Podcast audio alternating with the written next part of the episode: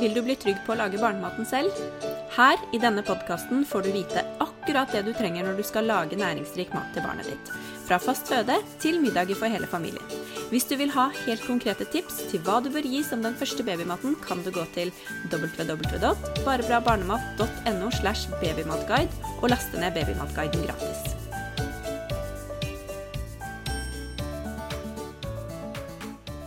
Vi jobber med kurset Mat i barnehagen til deg som er medlem av Barnematfabrikken. Og i dag så har jeg med meg Thea, som er fagansvarlig og jobber sammen med meg i Bare bra barnemat. I dag er tema mat i barnehagen, og mange barn spiser veldig mange måltider i barnehagen. Så mange som 3000 måltider kan et barn eh, spise i barnehagen. Det er veldig mange måltider og mye mat. Derfor er det viktig at vi, foreldre selvfølgelig, men også sammen med barnehagen, serverer næringsrik mat og er bevisst på hva vi serverer barna. Og Sine, du har jo faktisk jobbet som kostholdsansvarlig i eh, barnehage. Og det er jo veldig nyttig og viktig erfaring for oss som daglig har kontakt med foreldre som har barn i barnehagen. Vi prøver jo å veilede så godt vi kan, og bidra til at foreldre også påvirker, eh, kan påvirke positivt og være nyttige ressurser for eh, barnehagen. Men eh, du kan jo først begynne å dele din erfaring. Hvordan var det når du jobbet som kostholdsansvarlig i barnehage? Det gjorde jeg jo rett før vi startet Bare bra barnemat. Så det er jo nå ja, syv år siden. Og da hadde jo jeg en stilling som 60% kostholdsansvarlig. Hvor jeg sto på kjøkkenet og lagde mat, lagde ukemenyer. Passet på at jeg var innenfor det budsjettet jeg hadde fått. Og eh, ja, det var rett og slett eh, min jobb. Og så var det 60 barn, og ja Husker ikke hvor mange voksne det var, men det var eh, i hvert fall 60 barn, og i tillegg eh, voksne, som jeg lagde mat til. Fire dager i uka.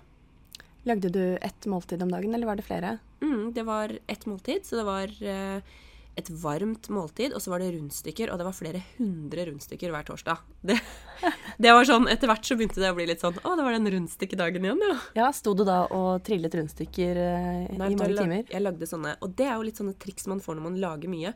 Lagde sånne pølser, og så skjærte jeg de, og la de bare rett på brettet. Ikke sant. Så jeg sto ikke og rullet i fond. Men jeg gjorde det i starten, før jeg på en måte fant ut at OK, dette her må effektiviseres. Nettopp. Og det er jo akkurat de triksene vi skal prøve å dele i dag, med din erfaring som kostholdsansvarlig. Mm. Vi vet jo at uh, noen av de største utfordringene til barnehagen, det er uh, ressursene. Ikke sant? De er presset på tid. De skal ta vare på barna våre, som jo er den aller viktigste oppgaven. Og tilstedeværelse for barna er jo det de trenger, de minste barna. Uh, og de er også presset på budsjettene. Mm. Det er veldig begrenset med mm, penger til mat og måltider i barnehagen. Og mange barnehager opplever jo også at eh, det å skulle tilberede mat og måltider blir en slags byrde. De må ta personell vekk fra barna. Og mm, barnehagene er også utformet så forskjellig ja. at uh, det kan oppleves uh, sant, ekstra belastende hvis man, må ta, hvis man har en småbarnsavdeling og man må ta bort en person som kanskje har, hvor de har et separat kjøkken, hvor det enten ikke er plass til at barna er med, eller hvis det er på en småbarnsavdeling der hvor det ikke er like hensiktsmessig å ha med de minste barna. Mm. Så det vet vi jo er uh, utfordrende for de som jobber i barnehagen. Og jeg må også nevne noe som vi også ofte erfarer, at det, noen ganger så kan det være veldig subjektivt da, at det, det, er avgjørende å ha en, en, person som kanskje er litt ekstra interessert da, i eh, barnehagene, for å på en måte sette i gang endringer og prioritere mat og matlaging, og ikke minst sette det på eh, planen som en del av det pedagogiske opplegget. Mm. Men hvordan eh, prioriterte barnehagen din deg for å kunne ansette deg som kostholdsansvarlig? Fordi vi vet jo det at det er noen barnehager som har egne kokker, noen har kostholdsansvarlig i eh, deltidsstilling, sånn som du hadde, en 60% stilling. Og noen har eh, ikke noe egen kostholdsansvarlig, men tar bort en eh, person, altså en av pedagogene, til å lage mat. Så hvordan gjorde din barnehage det? Nå husker jeg jo ikke helt uh, det økonomiske bak stillingen min, men jeg husker at de hadde prøvd å gjøre det avdelingsvis, og at det ikke fungerte, og at de heller valgte å ansette en Å lage en stilling til en som sto på kjøkkenet og lagde maten og handlet inn og bestilte varer og la opp ukemeny og sendte ut eh, hvis foreldrene ville ha noen oppskrifter, som også skjedde ofte. Ja, ikke sant. Det kan jo jeg også kjenne meg igjen i. At uh, barna mine har kommet hjem og sagt at de har fått noe veldig godt i barnehagen, og spurt barnehagen om de kan dele oppskriftene. Og der er jo min erfaring at det ofte ikke bare er retten, men det er også stedet, altså hvor de er, og uh, ja Alt rundt. Ikke nødvendigvis bare maten. Fordi 'Å, barnet mitt, barnet, barnet mitt spiser fisk.' Hæ? Spiser aldri fisk hjemme. Og det kan jo ha noe med at alle andre spiser fisk, Yes. eksempel.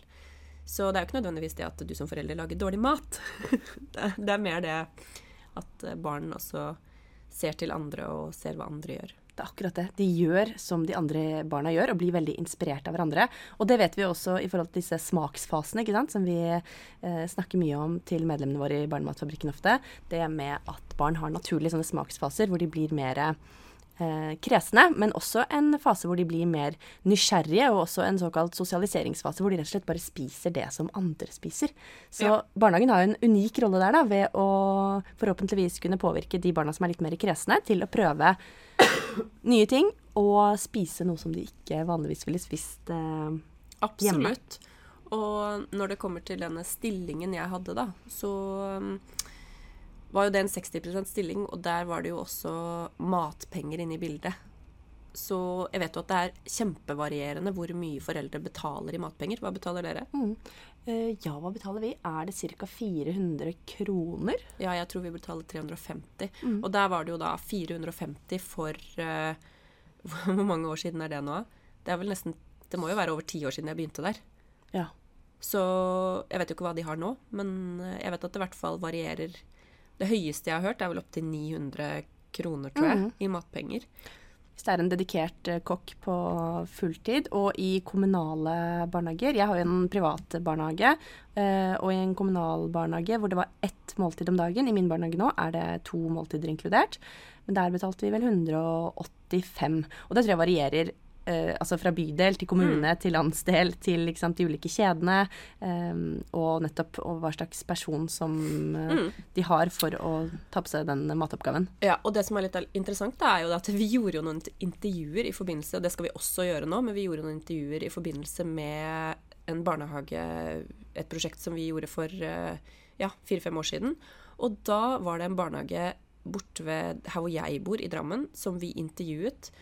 Og eh, da var det snakk om at foreldrene ikke var villige til å betale mer i matpenger for å få bedre mat, eller for å ansette noen, eller få til en endring i forbindelse med kostholdet til barna. For der var det, ja, det jeg vil si ganske dårlig. Og det jeg fikk beskjed om da, var at bare matpengene går opp eh, ti kroner, så setter foreldrene seg på bakbeina og ikke vil betale. Og det tror jeg også er veldig Det handler jo egentlig bare om, om uh, å vite viktigheten av bra mat. Fordi vi blunker jo ikke to ganger når vi går på butikken og kjøper oss en sjokoladeplate til uh, 30-40-50 kroner på en uh, fredag eller hvilken som helst dag. Eller en iskaffe eller en kaffe eller eh, hva som helst. Men det å legge 10-20 kroner mer i penger som barnet, hvor, for at barna dine skal få bra mat, det sitter liksom eh, tydeligvis da, litt lenger inne. Men jeg tror jo at på den tiden så har vi blitt mye mer bevisst. For det her er jo noen år siden. Det Jeg håper og tror det. Ja, det er definitivt en Hva skal man kalle det? Ja, Ja. i vinden. Eh, det er mye fokus på hva riktig kosthold, eller et sunt og næringsrikt kosthold, da, kan bidra med. ikke sant? Og fordelene med å ha et bra kosthold for barna er jo nettopp at de har vi legger jo ikke minst grunnlaget for god helse fremover, og ikke minst at de får energi til å både kunne leke og lære hele dagen i barnehagen. Det er krevende å være i barnehagen, og de skal jo fortsette dagen hjemme også. Og vi har vel, alle vi som er småbarnsforeldre, har vel kjent på hvor slitsomt det kan oppleves å hente et barn i barnehagen som du har gledet deg til å se, og kanskje har lyst til å være sammen litt på ettermiddagen, og barnet er bare helt most. ikke sant? De er superslitne og, og gråter, og det kan jo ofte være fordi de har hatt veldig intensive dager i barnehagen og rett og slett bare smelter litt i armene dine og, føler at det er hos deg de kan ja, få utløp for følelsene sine. da.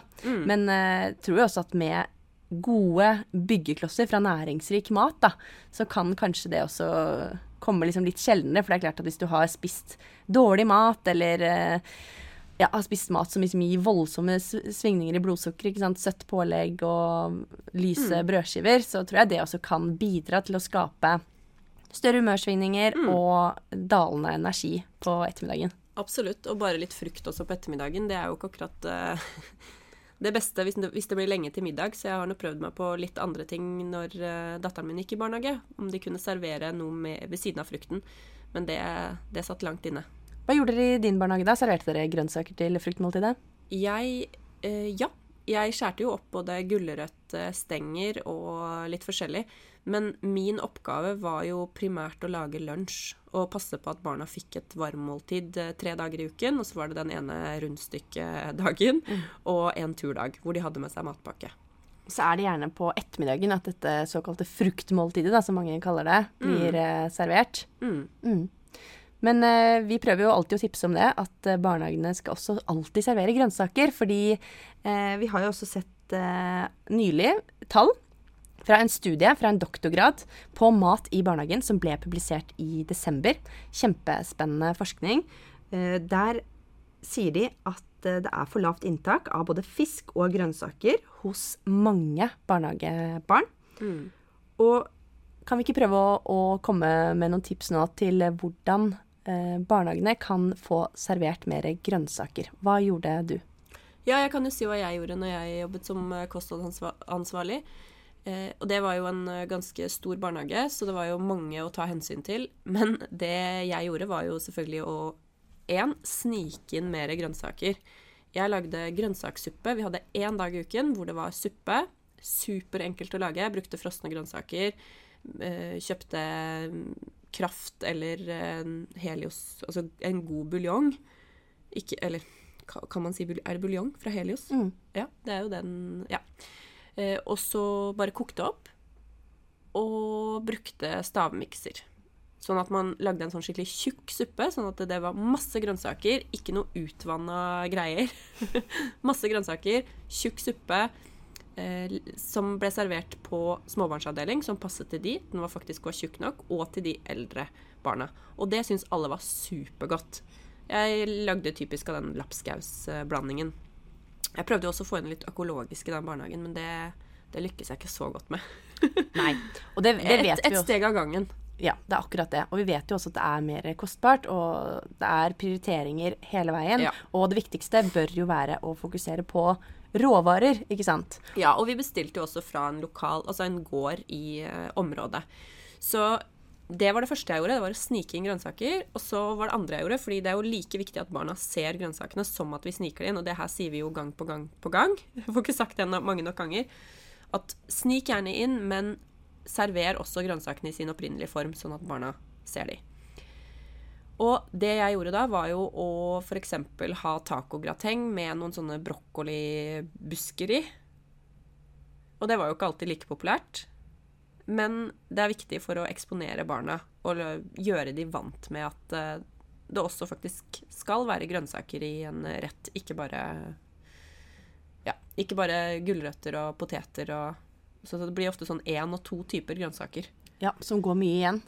Ja. Og jeg lagde for eksempel eh, Ja, nå spurte du om grønnsaker, gjorde du ikke det? Mm. Mm. Jeg lagde jo for eksempel eh, fiskeform med purreløk i, og da var jo purreløken synlig. Mm.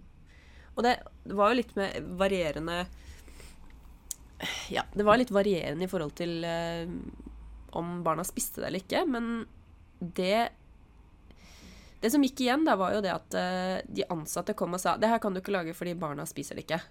Og da sa jeg at eh, de har det ikke fått det mange nok ganger. Så jeg hadde f.eks. kidneybønner i eh, tacograteng. Også to eksempler på tacograteng. Men da brukte jeg kidneybønner og da fikk jeg beskjed om at det, det likte ikke barna. Men da tok jeg bare litt mindre, og så fortsatte jeg med det. Mm. Og til slutt så var jo det normalen. Ikke sant? Så det er helt utrolig hvordan vi kan påvirke barna våre, og spesielt når man får de inn når de er små. Ja, det er jo da dette mulighetsvinduet altså oppstår, fra de begynner med fast føde og frem til de er ca. ett og et halvt år, hvor de fleste da naturlig kan bli mer kresne. Det er jo ikke alltid sånn at det skjer, men da kan det jo være sånn at barna eh, ti, altså sier nei til matvarer de tidligere har spist, og ikke er like interessert i å smake på noe nytt. Men da er det jo så viktig, som du akkurat sier nå, at man må jo fortsette å tilby. For hvis vi ikke tilbyr, så vil man i hvert fall ikke få barnet til å begynne å spise det. Og det er jo igjen her barnehagen har den unike rollen at det også kan være en positiv påvirkning fra resten av barnegruppen. Da. Og ja. de voksne også har jo en viktig rolle. Spiste dere sammen med barna? Eh, ja, de voksne skulle jo spise sammen med barna, men jeg kan jo ta et eksempel der. Da. Det har jeg jo fortalt før. Men jeg lagde f.eks. Eh, tomatsaus til pizza når det var pizza når vi skulle lage pizza. Eller jeg skulle lage pizza. Og da var det jo de ansatte som ville ha ketsjup på pizzaen, eller som gikk og hentet da ketsjup og tok på pizzaen. Og da tar jo de ansatte med seg sine holdninger og hva deres ønsker inn i barnehagen. Så her er det egentlig bare Jobber du i barnehage, så er det egentlig bare å være bevisst på at her skal man gjøre det som er best for barna, så får man ha sine vaner og det man pleier å gjøre selv, det må man rett og slett prøve å legge igjen hjemme. Ja. og det opplevde jeg egentlig som den største utfordringen eh, når det gjaldt de ansatte. Ikke sant. Her var det jo Jeg skulle også lage en eh, Jeg lagde også havregrøt en del. Og da kuttet jeg jo ut sukker og la på rosiner og selongkanel. Og smørøye. Og da var det også de ansatte som kom og hentet sukker i skapet. Og spurte etter sukker. Og etter hvert så ble jo jeg Når jeg hadde jobbet der litt, så sa jeg jo nei. Mm. Da turte du å stå litt mer ja, i det? Ja, da turte jeg å stå litt mer i det og si mm. Være litt mer eh, frampå i forhold til eh, hva jeg mente var riktig for barna, da. Fordi vi er jo Vi voksne er jo rollemodeller, og ja, ha gjerne sukker på grøten, men kanskje la det være til julegrøten som er én gang i året i barnehagen, istedenfor havregrøt som kan være plutselig en gang i uka. Og det samme skjedde jo i barnehagen til dattera mi, på småbarnsavdeling. Der var det sukker på grøten og saft én gang i uka. Ja, én gang i uka. Mm, og da ble jeg ganske overraska. Så det prøvde jo jeg å, i hennes barnehage å fjerne og bytte ut, men det var de rett og slett ikke åpne for. Det har du skrevet et innlegg om på bloggen, ja, ikke sant? Så jeg bare sa greit, det skal ikke hun ha, og så kan hun få rosiner og bær eventuelt. For da var hun to år, tror jeg. Så hele barnehagetida så eh, fikk hun ikke sukker på grøten. Fordi at jeg syns ikke det hører hjemme på en hverdag når de er så små. Og det er jo et veldig viktig poeng, for vi veileder jo også mange foreldre som eh, er frustrert over at barnehagen serverer sukkerholdige varer, eller matvarer. Og det står jo veldig tydelig i retningslinjen for mat og måltider i barnehagen at eh, barnehagen bør være et sted hvor de begrenser eller unngår det helt. Ja, og, og, det kan jo nettopp være fordi barnehagen er bare hverdager. Yes, og det er et kjempegodt poeng. Og jeg føler, uten å ingen som jobber i barnehage her, ta seg nær av det her, eller ta det her som kritikk, fordi jeg føler at barnehagen bare tar seg til rette. De, de gjør ofte, og det her er jo basert på mine egne erfaringer, men også tilbakemeldinger fra mange av dere som følger Bare bra barnemat. Mm. Barnehagen gjør, og så får man beskjed i etterkant. Barnehagen serverer sjokolade, barnehagen serverer pepperkaker, barnehagen serverer sukker på grøten. Og så får man beskjed i etterkant, og så skal man bare godta, eller man blir sittende der og syns det er ubehagelig å si ifra. Mm. Så mitt tips til det er jo deg som forelder, øv deg på å si ifra. Det er ikke farlig. Vi er stemmen til barna våre. Mm. Men vi må tørre. Og vi blir jo tryggere i den rollen etter hvert som vi får mer hva skal vi kalle det, flere barn. flere barn og mer foreldreerfaring. ikke ja. sant?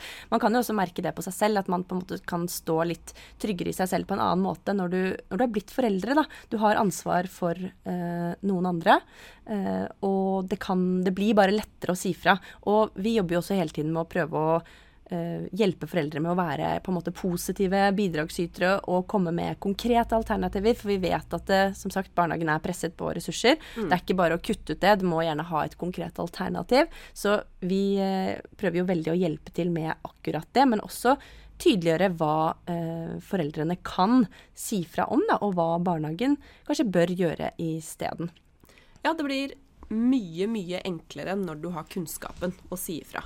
Det gjør det så mye enklere, fordi da vet du viktigheten av det. Du vet at du er stemmen til barnet, din, barnet ditt. Du vet hvor mange måltider barnet spiser i barnehagen. Du vet at barnehagen er med å legge grunnlaget og de gode vanene fra start sammen med deg som forelder. Så ja, si ifra. Og til barnehagen så får man bare Tenker jeg at eh, man må tenke litt over hva som er best for barna, og reflek kanskje prøve å reflektere litt over hvorfor man gjør det som man gjør det, og det går an å ut, utfordre etablerte sannheter. Og det der har jeg lyst til å komme med et konkret eksempel på. Fordi Mm. vi fikk jo melding av en mamma i eh, desember hvor barnehagen eh, serverte en pepperkake hver dag til alle barna på avdelingen. Og begrunnet det med at det var en årelang tradisjon. Så det hadde de ikke tenkt til å forandre på. For det var noe de eh, gjorde i den barnehagen. Og da må man jo bare tenke litt på akkurat den tilbakemeldingen der. Det er en tradisjon for de voksne. Og de barna som går i den barnehagen, som kanskje har gått i barnehagen i ett eller to, eller maks fem år, da. De eh, har ikke det samme forholdet til den tradisjonen som de voksne som hadde jobbet i barnehagen i 30 år. Så det tenker jeg igjen, da må man på en måte tenke på om det er de ansattes holdninger og eh, preferanser som tar litt for stor plass i forhold til hva som er barnas beste, egentlig, da. Barn trenger ikke én pepperkake om dagen i barnehagen, i tillegg til Lucia-feiringen, nissefesten, juletrefesten, juleavslutningen, julegrøten og alle de andre anledningene som kommer etter eh, 23. desember, når man skal feire jul hjemme. Det er rett og slett Det blir for mye for ofte. Det er det som er uh, utfordringen. Vi vet at mange ønsker helt konkrete tips, eh, Stine. Du har jo nevnt at du serverte suppe og et smart tips på hvordan man tilberedte rundstykker. Men har du andre go to matretter som eh, er fine for barnehagen å lage? Ja, det har jeg. Jeg har jo også valgt å ta med faktisk noen av de rettene i boken. Både i bok én, som er guiden, og i den oppskriftsboken som eh, nettopp har kommet ut. Eh, Chili con carne, blant annet. Den er superpopulær både hos voksne og eh, barna. Så den har jeg valgt å ta med videre. Og så lagde jeg også en sånn fiske, som jeg var inne på. Sånn torsk med jeg tror jeg varierte med torsk og laks. Med potetmos og purreløk. Og det var de tre ingrediensene. Kjempeenkelt. Og så bare så godt. Falt skikkelig i smak. Så jeg hadde noen retter som jeg gikk til, og vi hadde én vegetardag, én rundstykkedag, én fisk og én kjøtt. Og vi hadde jo også en barnehage der hvor eh, man måtte ta hensyn til alle mulige allergier og intoleranser, i tillegg til halal. Så for meg så var det jo ganske krevende å lage kjøttretter, og det her vet jeg også går igjen i andre barnehager. Så jeg lagde kjøtt én gang i uka. Noen ganger var det ikke kjøtt også. Da tok jeg det neste uke. Men um, det som var veldig populært, var jo makaroni. Makaroni, ost og pølseform. Det ville både barn og voksne ha. Så det lagde jeg også, men ikke like ofte. Nei, ikke sant. Jeg sa ja, jeg kan lage det, men eh, jeg la selvfølgelig på litt eh, grønnsaker og fikk ikke bare ha makaroni og Nei, saus sant. og um, Og det som er så lurt, er jo nettopp sånne gryter, som du sier, hvor man også enkelt kan bytte ut kjøttet med mer belgvekster og eh, sånne former som du lager i ovnen, ikke sant? Som gjør seg litt eh, selv, sånn som de fiskeformene som du har eh, tipset uh, Ja. Om. Og så lagde jeg også den tacogratengen, som også er med i boken. Den har vi vel på bloggen også. Den er kjempegod. Så den uh, var også en favoritt der oppe. Det var, prøvde meg litt frem. Linsesuppe, også supergodt, i tillegg til den grønnsakssuppa. Men jeg varierte. Jeg lagde også blomkål- og brokkolisuppe. Den oppskriften er også med. Jeg har tatt mange oppskrifter uh, med i boken, i bøkene derfra. Fordi jeg så jo hva som fungerte, og de var testet såpass mange ganger på såpass mange barn. Så eh, ja, så ta en kikk der hvis du allerede har boka, eller eh, stikk innom eh, bloggen og søk på tacograteng eller eh, pizza lagde jeg også. Det kommer jo også til å bli inkludert noen av disse oppskriftene i kurset som vi jobber med nå, Mat i eh, barnehagen. Det blir tilgjengelig for medlemmene våre i Barnematfabrikken. Og vi kommer eh, til også å jobbe for å lage det til et separat kurs, Mm. som kan bli tilgjengelig i nettbutikken etter hvert. Yes. Det blir kjempebra. Det tror jeg veldig veldig mange får nytte av, fordi eh, vi får så mange spørsmål, og vi eh, skal Jeg tror jammen vi klarer å dekke alt som eh, du lurer på innenfor mat i barnehagen. Både med det praktiske jeg har i ryggsekken. For jeg vet jo at det teoretiske er på en måte greit. Bytte ut det med det. Og det er ikke så enkelt å si til barnehagen når man ikke har erfaringen om hvordan det fungerer i praksis. Så det kommer vi til å bruke og gi deg de verktøyene du trenger for å få til en endring i barnehagen. Både som forelder, men også som barnehageansatt. OK, tusen takk for i dag, Thea. Håper dette var kjempenyttig for deg som eh, hører på. Og så høres vi igjen veldig snart. Det gjør vi. Ha det bra.